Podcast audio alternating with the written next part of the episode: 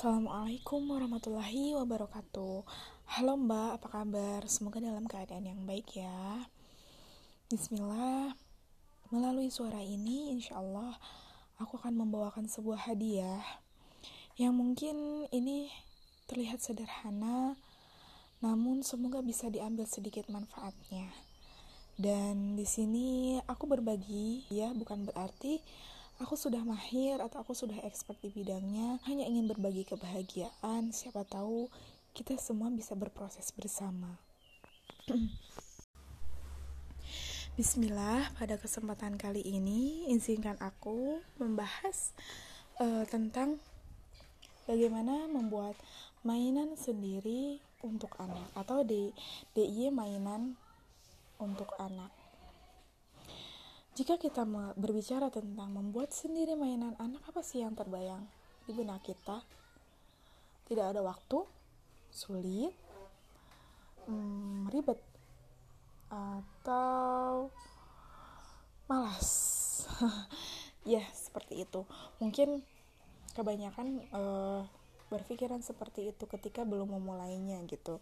Padahal sebenarnya membuat mainan sendiri bagi anak itu sangat menyenangkan loh. Bisa bahkan bagi aku sendiri gitu bisa menjadi sebuah healing gitu menjadi sebuah kebahagiaan juga untuk aku sendiri. Melahirkan kepuasan batin sebagai seorang ibu gitu. Me ketika kita merasa tidak ada yang bisa diberikan kepada anak dengan sepenuh hati maka membuat mainan anak sendiri ini bisa menjadi uh, sajian eh apa ya hadiah istimewa untuk anak gitu meskipun tidak seperti mainan-mainan yang membeli di luar sana gitu yang harganya fantastis yang tentunya dengan eh, fitur-fitur uh, yang menarik gitu hmm.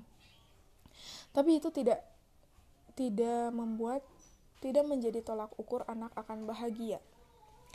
Mainan-mainan yang mahal yang bisa dibeli di, di pasaran, di toko, atau di mana pun, itu tidak menjadi tolak ukur kebahagiaan seorang anak memiliki sebuah mainan. Nah, apa sih yang menjadi tolak ukur anak-anak bahagia memiliki sebuah mainan? Yang jelas yang aku pahami uh, sesuai pengalaman adalah Anak-anak akan bahagia memiliki sebuah mainan apabila mainan itu diberikan dengan cinta, dengan cinta oleh orang tuanya. Apalagi jika anak-anak pun terlibat dalam proses pembuatannya. Memang, memang tidak seperti mainan yang dibeli, tapi mainan yang dibuat dengan penuh cinta, tentunya dengan niat, niat yang baik, niat yang ikhlas dari kita orang tuanya kepada anak akan sampai perasaan cinta kita kepada anak. Mereka pun akan bangga. Mereka pun akan merasa dicintai. Mereka pun akan merasa dihargai.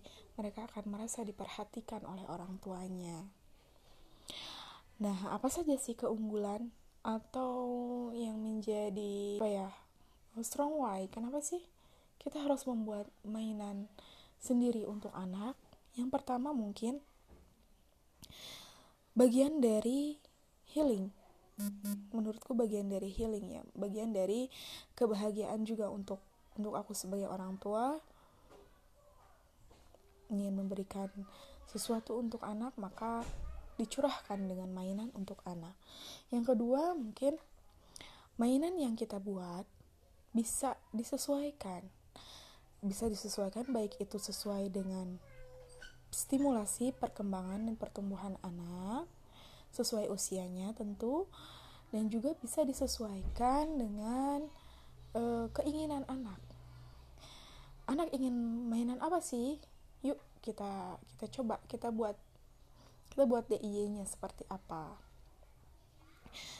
ya bisa disesuaikan dengan keinginan anak dan juga bisa disesuaikan dengan tema apa tema belajar apa tema bermain dan belajar apa yang akan kita bawakan hari ini maka kita bisa buat alat peraga edukasinya atau mainan apa yang bisa menunjang permainan dan pembelajaran hari itu juga. Lalu yang ketiga, tentunya bisa low budget. Daripada kita membeli mainan yang mahal, tentunya dengan budget yang e, lumayan juga, kita bisa menggunakan bahan-bahan yang ada di rumah. E, yang paling menjadi harta, yang paling menjadi harta karun bagiku saat memulai mm, ber mainan ini adalah kardus. Sangat senang sangat senang kalau misalnya dapat kardus bekas apalagi kardus yang tebal-tebal seperti itu ya. Karena itu bagus untuk dibuat apa aja gitu kardus bekas botol bekas dan lain-lain gitu. Yang lainnya mungkin yang dibeli paling sekitar uh, seperti lem tembak lem kayu dan sebagainya. Dan tentu itu bisa lebih menghemat pengeluaran juga gitu. Mama kan perlu perlu ngirit ya. Nah lalu yang berikutnya ya itu tadi dengan membuat mainan sendiri bersamaan dengan membuat mainan e, anak sendiri maka tercipta bonding antara anak dan orang tua. E, apa? Anak-anak merasa lebih lebih diperhatikan lebih lebih apa ya? Lebih dicintai sama orang tuanya gitu lebih lebih dekat. Apalagi jika kita dalam proses pembuatannya melibatkan anak-anak. Biasanya itu yang selalu aku lakukan gitu. Ketika berencana membuat mainan A atau berencana membuat alat peraga edukatif A maka aku sounding kepada anak. Nanti hari ini kita akan belajar tentang ini. Nah, terus kita akan membuat mainannya ini. Yuk kita bantuin. Misalkan anak-anak bisa karena anakku masih usia dini ya mereka bisa membantu misalkan dalam proses pewarnaannya atau dalam proses e, potong memotong atau tempel menempelnya gitu. Anak-anak juga terlibat dalam hal itu. Maka setelah mainan itu jadi jadi sebuah mainan tidak hanya orang tua yang puas tapi anak juga puas oh iya ini juga hasil keringatku loh ini juga hasil e, kerja keras aku juga loh gitu. Mereka pun akan e, lebih bisa menghargai hasil karyanya akan lebih bisa me, apa ya lebih bisa bangga gitu dengan hasil karyanya, karyanya sendiri. Mainan yang dibuat dengan tangannya sendiri membentuk mainan yang ia sukai sesuai dengan warna-warna yang mereka sukai. Itu membuat kepuasan bagi orang tua dan anak-anak. Nah itu.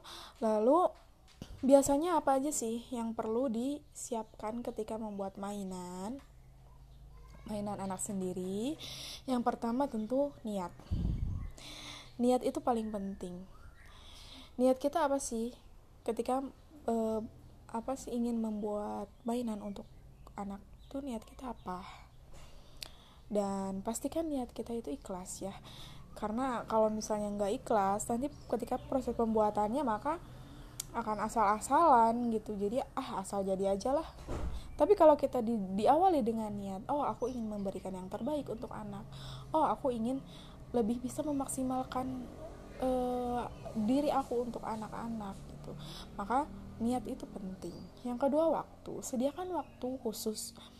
Waktu di mana kita bisa mengeksekusi apa uh, mainannya. Misalkan kita akan menggunakan mainan tersebut untuk pembelajaran atau permainan hari esok. Maka bisa juga disiasati agar tidak banyak memakan waktu, kita siapkan dari hari kemarinnya.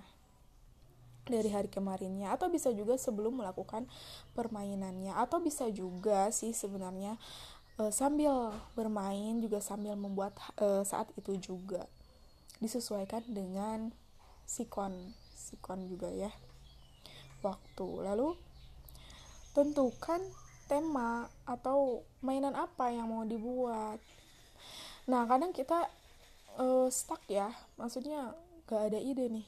Kita mau misalkan belajar hari ini tentang matematika nih tentang uh, kognitif anak menstimulasi kognitif anak. Tapi apa ya mainan kira-kira yang bisa dibuat gitu kan nah sekarang itu kan banyak ya di sosial media banyak inspirasi-inspirasi atau referensi-referensi yang bisa kita ambil bisa dari Instagram, Facebook atau yang lebih aku suka sih di Pinterest. Di Pinterest itu jadi kita tinggal memasukkan kata kunci. Kata kuncinya dalam bahasa Inggris misalkan kognitif nih, kognitif untuk anak 4 tahun misalkan mengenal angka atau mengenal e, penjumlahan gitu kan tinggal dimasukin uh, kata kuncinya dalam bahasa Inggris di Pinterest nanti akan muncul berbagai inspirasi atau referensi mainan-mainan atau alat peraga edukatifnya. Nah, setelah itu biasanya di Pinterest juga ada cara atau tahapan-tahapannya, bagaimana cara membuatnya. Gampang ya, jadi maksudnya nggak nggak harus ide sendiri. Jika kita masih stuck dengan ide harus gimana ini? Harus membuat yang seperti apa nih? Asalkan kita punya tema asalkan kita punya uh, apa ya acuannya gitu. Harus membuat yang seperti ini nih. Tapi yang mengacu pada indikator-indikator perkembangan anak sesuai usianya juga. Dan bisa dilihat di berbagai media seperti Pinterest ya Pinterest yang sering sama YouTube kalau di YouTube lebih jelas biasanya disertai dengan langkah-langkah videonya gitu. Nah, setelah menentukan tema tentunya menyiapkan bahan, menyiapkan bahan dan alat. Bahan dan alat tuh sebenarnya kita bisa memakai eh, bahan-bahan yang ada di rumah yang bekas-bekas yang tadi seperti itu ya kardus bekas, botol bekas atau hal-hal yang bekas lainnya bisa kita gunakan.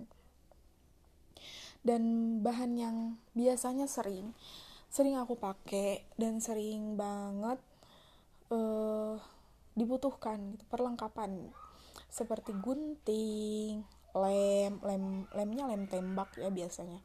Lem tembak, lem kayu, lem kertas. Itu seperti alat perang wajib gitu untuk kita para ibu-ibu yang ber bersama gitu ya. Nah, sedangkan bahan yang lainnya kayak kardus atau mm, botol bekas, kertas warna, kain flanel dan lain-lain itu hanya disesuaikan sesuai kebutuhan saja. Terus yang terakhir eksekusi deh. Eksekusi ide yang telah kita uh, rencanakan.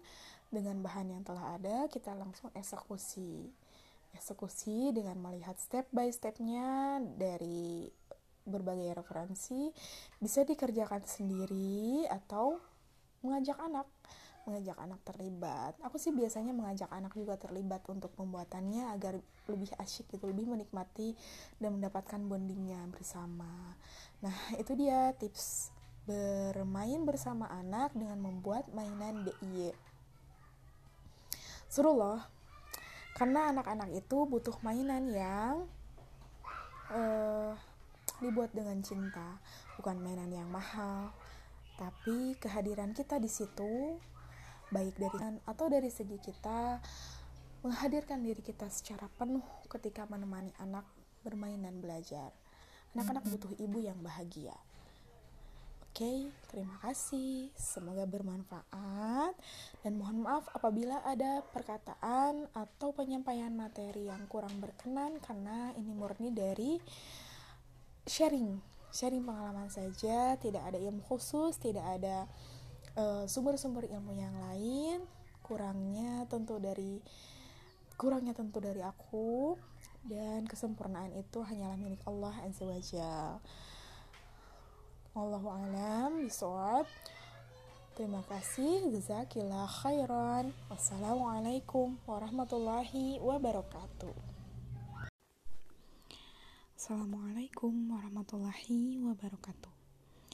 Halo. Bismillah. Pada kesempatan kali ini, izinkan aku untuk menyampaikan beberapa hal sebagai insight yang aku ambil dari sebuah webinar dari sebuah Zoom Zoom webinar yang dilaksanakan beberapa waktu yang lalu dengan judul Ibu Sehat Mental dan Jasmani oleh Ustazah Umu Ihsan Khairiyah. Nah, sebagai seorang wanita, tentunya yang sudah memiliki amanah sebagai seorang istri dan seorang ibu. Amanah sebagai seorang ibu itu sangat berat dan agung. Anugerah besar ketika Allah memberi kesempatan kepada kita menjadi seorang ibu. Nikmat yang senantiasa kita syukuri. Namun, di tengah tanggung jawab sebagai muslimah, sebagai ibu dan sebagai istri, maka poin besar sebagai seorang ibu itu adalah tugasnya banyak. Tanggung jawabnya berat bertubi-tubi tanggung jawab. Kita memiliki proyek besar sebagai seorang ibu. Nah, di sinilah kita perlu jasmani yang sehat dan jiwa atau mental yang kuat. Karena Allah pun sangat menyukai muslim yang kuat.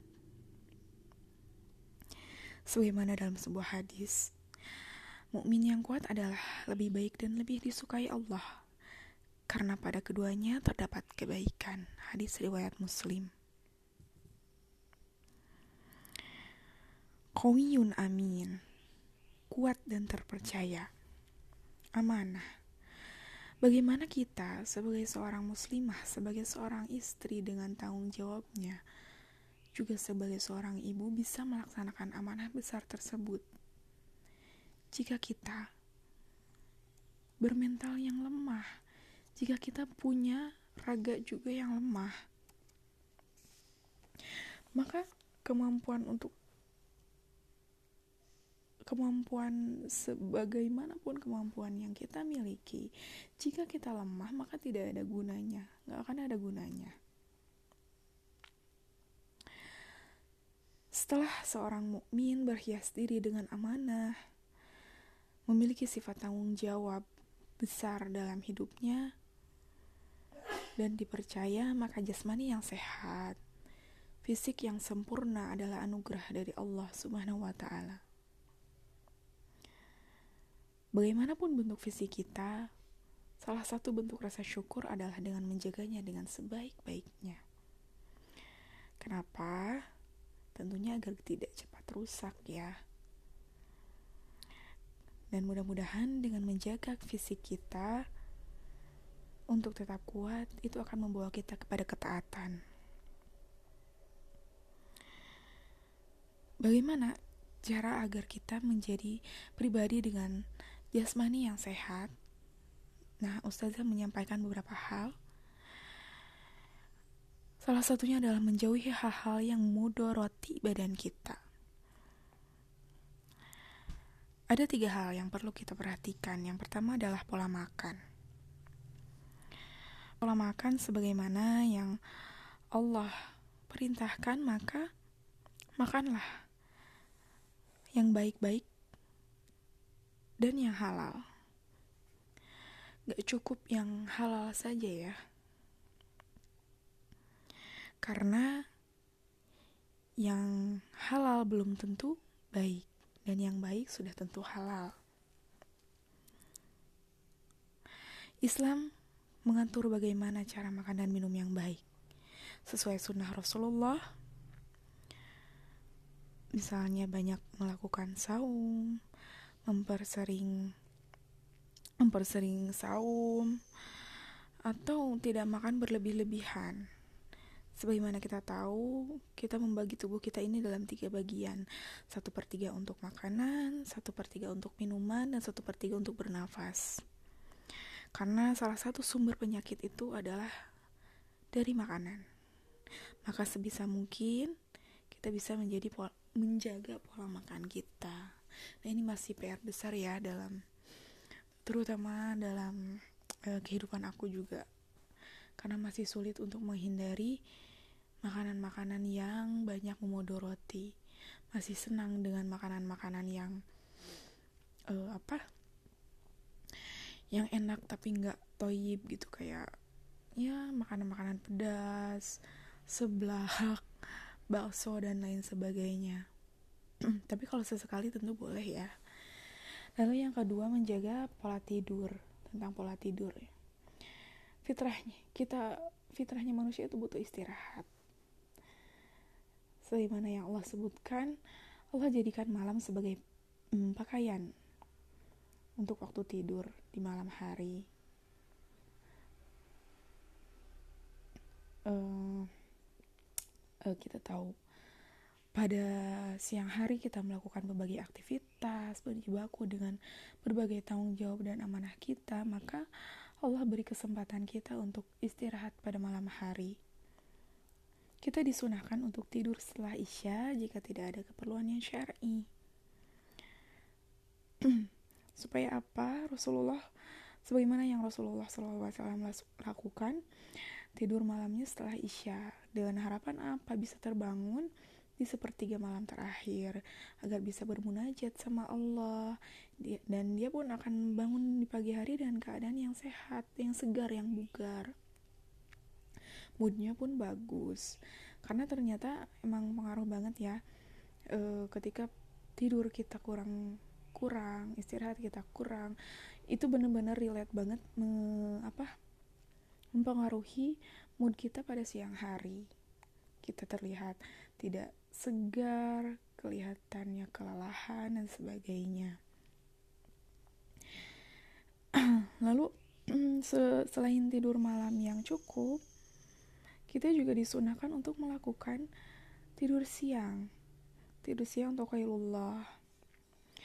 Tidur sunnah sebelum waktu zuhur sejenak ya ini disunahkan kita di, disunahkan untuk tidur sejenak bahkan e, jika pun kita nggak bisa tidur misalkan karena punya anak anak kecil yang perlu kita dampingi perlu kita perhatikan dan susah diajak tidur maka kita berbaringlah sejenak istirahatlah sejenak. Agar badan kita kembali fresh agar badan kita kembali segar. Lalu yang ketiga ada yang namanya pola pikir. Nah, di sini selain kedua hal tadi, pola pikir menjadi uh, bisa menjadi toksik yang paling berbahaya. Islam mengajarkan kita ketika selesai melakukan aktivitas, maka kita lakukan aktivitas yang lain dengan lebih baik tidak mengajarkan kita untuk bermalas-malasan atau bahasa bahasa kekiniannya tuh mager gitu. Karena ini berpengaruh juga pada pola pikir. Semakin banyak kita melakukan hal-hal yang unfaedah, yang tidak bermanfaat, maka itu sangat mungkin pola pikir kita juga menjadi kebanyakan toksik. Gitu, makanya uh, sebisa mungkin aktivitas kita itu setiap hari ada faedahnya gitu jangan sampai bermalas-malasan yang gak jelas yang gak ada maknanya gitu agar apa namanya pikiran kita pola pikir kita pun bisa lebih baik bisa lebih sehat lagi. Nah, pola pikir ini kita akan bahas di uh, yang berikutnya ya tentang kesehatan mental. Nah, setelah tadi kita bahas beberapa hal yang bisa mempengaruhi tentang kesehatan jasmani, kesehatan fisik kita, maka kita sampai ke kesehatan mental.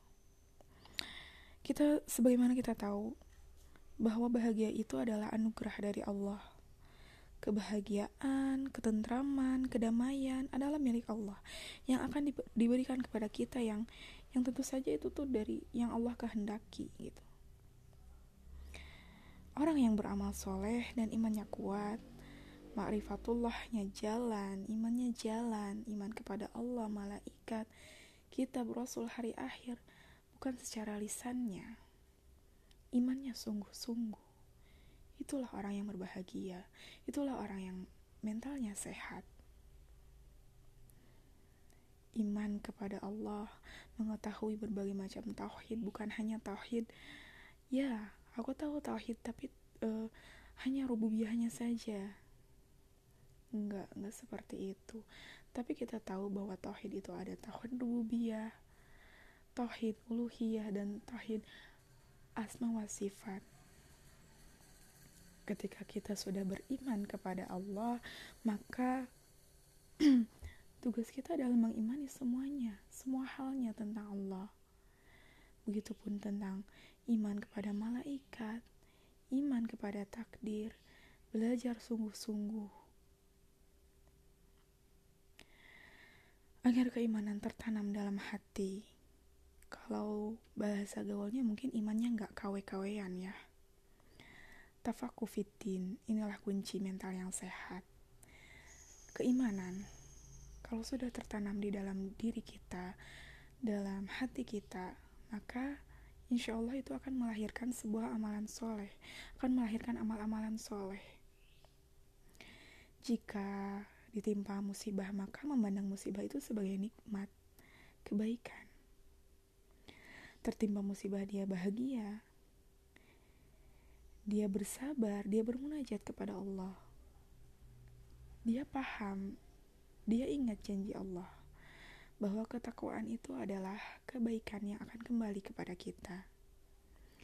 Yakinlah kita harus banyak berzikir mengingat Allah. Mencari ketenangan dan jiwa yang tentram bukan sesuatu yang bisa dibuat-buat.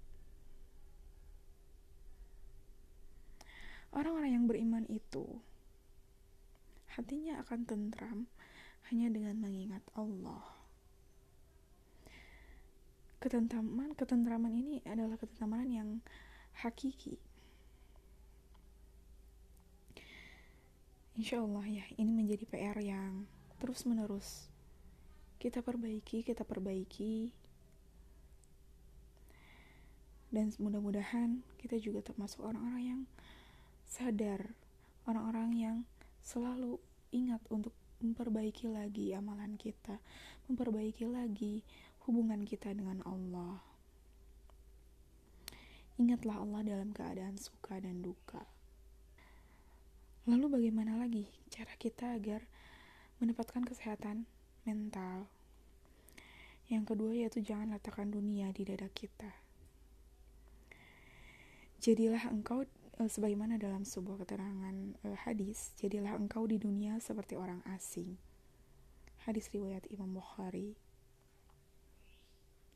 Jadi kita itu di dunia seperti seseorang yang hanya singgah aja sebentar. Karena kehidupan yang sesungguhnya, kehidupan yang kekal itu adalah di akhirat.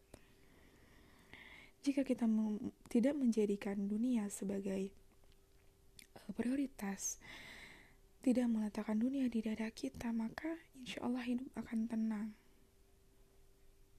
Dunia ini seperti air laut, katanya.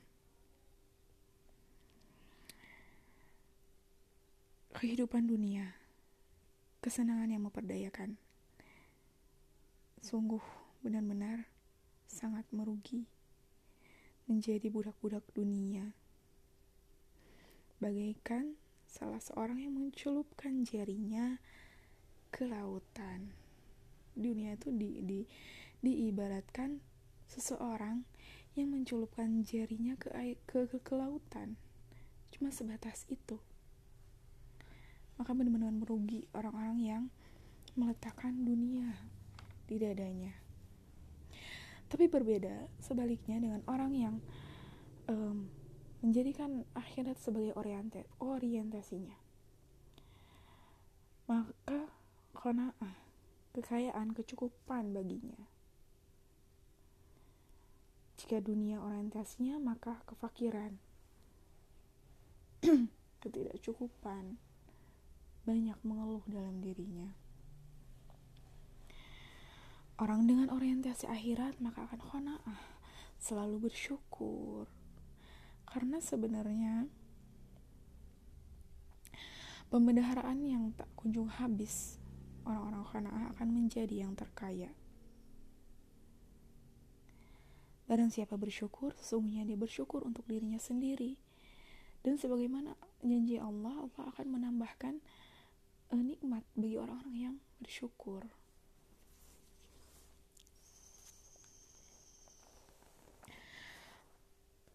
Perbaiki iman kita dengan ilmu. Amalkan dengan amal soleh, banyak sikir, dan jangan jadikan dunia ini sebagai orientasi. Jangan jadikan dunia ini di dada kita. Tapi kita tetap fokus kepada orientasi akhirat kita. Amalan-amalan kita, kesehatan kita, segala kemampuan yang kita miliki, jadikan orientasi kita kepada ketaatan kepada Allah Azza wa Jalla itulah bagaimana menjadi seseorang yang sehat jasmani dan sehat mental. Bismillah, kali ini insya Allah aku akan bahas tentang uh, tentang teknik mengendalikan emosi. Sedikit tentang mengendalikan emosi ya. Sebelum kita membahas bagaimana caranya mengendalikan emosi atau pertolongan pertama pada pada saat emosi negatif muncul, kita perlu tahu dulu bahwa emosi itu apa sih? Emosi adalah uh, apa? Energi yang kekal dan tidak bisa dimusnahkan, hanya bisa berubah bentuk. Nah, emosi ini ada yang disebut dengan emosi negatif. Nah, ini adalah emosi yang sering kita uh, apa ya, masih PR untuk mengendalikannya gitu. Karena emosi negatif ini berakibat juga pada ketidakseimbangan emosi yang menyebabkan hidup kita menjadi tidak menentu, bahkan berdampak juga pada kesehatan fisik. Nah, emosi negatif itu wujudnya kayak gimana sih? seperti misalnya marah, sedih, takut, cemas, senang, iri, dan sebagainya. Nah, yang tadi kan emosi, sedangkan ada juga yang disebut dengan ekspresi emosi ya. Ekspresi emosi ini misalkan ketika kita marah, maka ekspresinya dalam bentuk membentak, berteriak, memukul, dan lain sebagainya. Atau ketika emosi kita sedih maka kita e, menangis misalkan. Nah kita perlu memahami dulu bagaimana e, apa macam-macam emosi. Lalu yang kedua yang perlu diperhatikan ini aku dapat juga dari ini ya dari e, berbagai sumber ada dari pembahasan di keluarga, ada juga yang dari potluck-potluck dan beberapa buku juga. Baik yang kedua, kita tuh harus membedakan bahwa sebenarnya ada dua hal antara menahan, menahan emosi dan menyelesaikan emosi. Ini menurut Teh Anin, kakak di keluarga, bahwa menahan emosi uh, ilustrasinya gini. Menahan emosi itu diibaratkan ketika ada orang yang akan menyerbu masuk ke rumah. Orang-orang bakalan menyerbu masuk ke rumah kita lalu kita menahan pintu rumah kita sekuat tenaga agar orang-orang yang masuk eh agar orang-orang itu tidak bisa masuk. Dia dorong pintunya sekuat tenaga supaya orang-orang itu tidak masuk ke dalam. Nah orang-orang yang tadi yang mendorong pintunya ya memang tidak masuk ke dalam tapi dia akan kita akan merasa capek. Kita akan merasa capek nahan pintu agar nggak terdobrak oleh orang-orang di luar sana. Dan pada akhirnya apa kita pun akan kehilangan kendali dan sudah pintunya bisa terbuka bisa jebol kapan saja. Sama halnya ketika kita menahan emosi. lama-lama pasti kita kelelahan sewaktu-waktu ketika kita udah nggak kuat maka akan meledak seperti orang yang tadi yang menahan pintu tadi lalu yang kedua tentang menyelesaikan emosi menyelesaikan emosi itu apa e, permisalannya gini juga seperti sebuah ban yang sudah menggelembung besar Lalu kita ambil sesuatu yang tajam seperti jarum ya. Kemudian kita tusukkan ke ban tersebut dan perlahan ban itu kempes. Nah, emosinya selesai di sini. Emosinya rilis gitu. Yang tadinya emosinya mau meledak, tapi kita buru-buru me, apa? menusukkan jarum, maka emosinya kembali netral, kempes perlahan-lahan.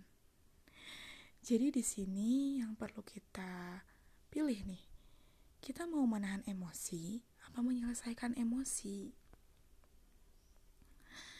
Begitu. Karena dengan me, uh, apa ya namanya? Emosi dan logika itu hubungannya seperti timbangan katanya. Kalau emosi naik, maka logika turun.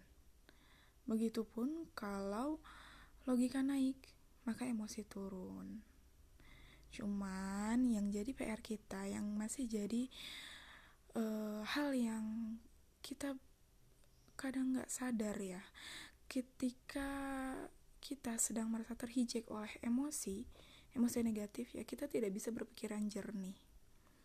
Seperti itulah hubungan antara logika dan emosi.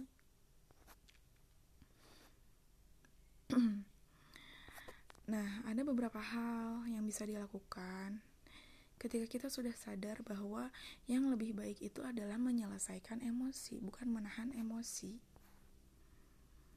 Beberapa hal yang bisa kita lakukan dalam menyelesaikan emosi atau mengalirkan emosi.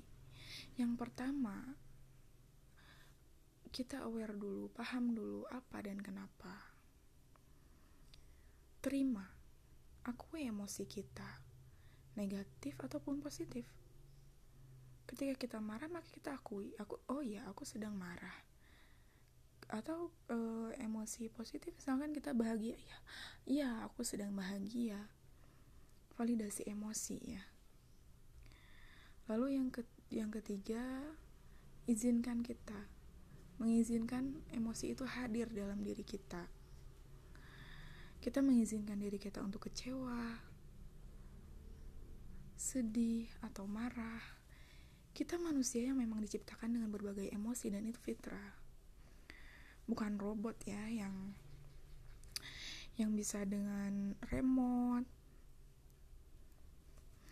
yang bisa dengan remote kita kendalikan. Tapi kita manusia yang dengan fitrahnya kita memiliki emosi. Emosi emosi juga dari dari Allah kan yang patut juga kita terima. Kita boleh kok merasa sedih. Kita boleh kok merasa marah. Gitu. Lalu yang keempat, alirkan perasaan itu dengan ekspresi yang bisa kita pertanggungjawabkan. Boleh menangis, teriak, dan sebagainya jika memungkinkan ya.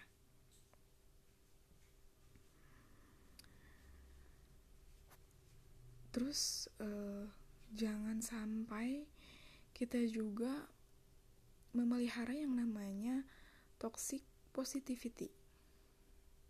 Karena semua semua emosi itu normal ya. Tapi akan menjadi toxic positivity jika memaksakan sesuatu yang positif, emosi dan pikiran tanpa pandang bulu situasi dan keadaannya. Seberapapun kita berjuang positif, pasti akan mengalami negatif juga. Misalnya gini kata harus. Harus sebenarnya uh, hal yang positif uh, apa kata yang positif kan ya. Misalkan untuk uh, kata toksiknya saya harus kuat saya harus bisa sebagai ibu saya harus bisa multi talent sebagai seorang istri saya harus uh, bisa bla bla bla gitu. Tapi sejatinya kan kita juga manusia yang lemah kita juga manusia yang punya titik kelemahan kita punya titik kelelahan. Maka positivity positivity kita afirmasi diri sendiri oh ya jika aku belum bisa menjadi seperti A maka nggak apa-apa. Ini berkaitan dengan menurunkan ekspektasi juga ya. Jika uh, yang penting aku udah berusaha ini nggak apa-apa. Misalkan uh, yang berhubungan dengan anak saya harus bisa menjadi ibu yang baik. Saya harus bisa menjadi ibu yang bisa uh, apa namanya mengasuh anak, pertumbuhan dan perkembangannya baik. Saya harus bisa menjadi ibu yang unggul. Itu toksik kan ya. Kalimatnya positif, tapi toksik juga. Nah, maka positivity-nya seperti apa? Oh iya, saya mama sudah berusaha nih menjadi ibu yang baik.